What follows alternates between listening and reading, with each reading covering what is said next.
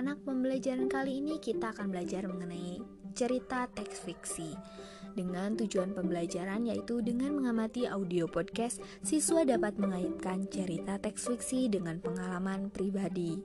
Langsung saja ke ceritanya yaitu cerita kali ini dengan judul Cita-cita Anak Belitung oleh Yudi Suharso.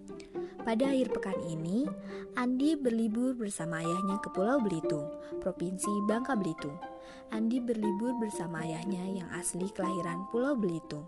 Ini bukan kunjungan pertama Andi ke Pulau Belitung.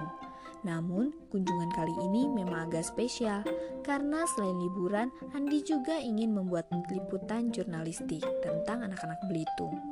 Di sekolah dasar tempat Andi bersekolah di Jakarta, Andi memang mengikuti kegiatan ekskul jurnalistik cilik.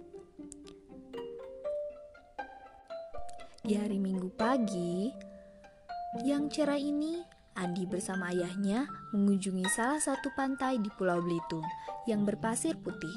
Indah sekali pemandangannya. Ayah, bolehkah aku bermain ke arah sana?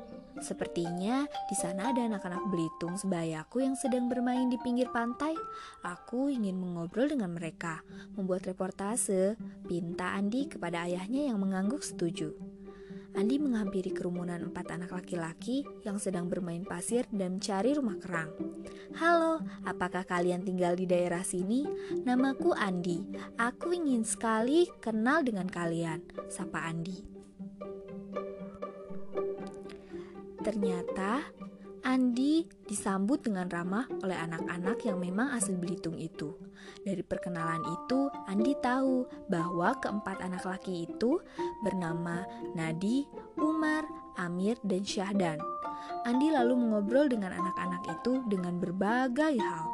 Dan untuk keperluan tugas jurnalistiknya, Andi lalu menanyakan cita-cita mereka masing-masing.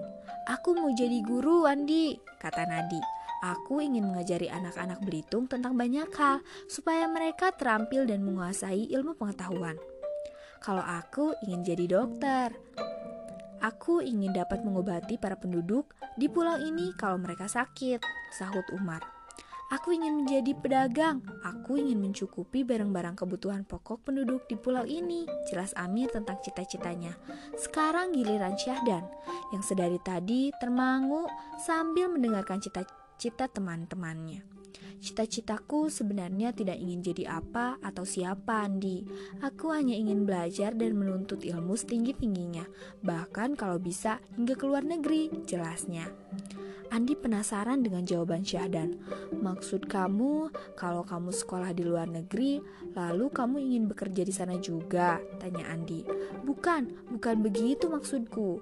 Aku tidak ingin bekerja di luar negeri. Aku ingin menimba ilmu sebanyak-banyaknya di luar sana. Lalu kembali ke sini, ke pulau ini. Pulau ini sangat kaya dengan sumber daya alam, geologinya, dan kaya ragam budayanya. Pulau ini memiliki berbagai jenis batuan yang tidak ada di tempat lain, seperti batu Garuda. Lalu, pulau ini juga memiliki pantai-pantai yang sangat indah, seperti Pantai Tanjung Tinggi, Pulau Lengkuas, Kelapa Kampit, dan masih banyak yang lainnya. Aku ingin membangun sebuah geopark di Pulau Belitung. Wah, kamu tahu banyak tentang pulau ini, Syahdan. Bahkan kamu tahu tentang geopark dan geologi. Kamu pasti memiliki buku-buku yang menarik tentang itu, kata Andi kagum. Syadan paling suka baca buku di perpustakaan desa. Sekali kami pun berkunjung ke sana untuk membaca buku, jelas Umar. Ketiga temannya mengangguk setuju. Andi sangat terkesan dengan keempat teman barunya itu. Mereka punya punya wawasan yang luas. Mereka semua punya cita-cita untuk memajukan dan mengembangkan pulau tempat kelahirannya.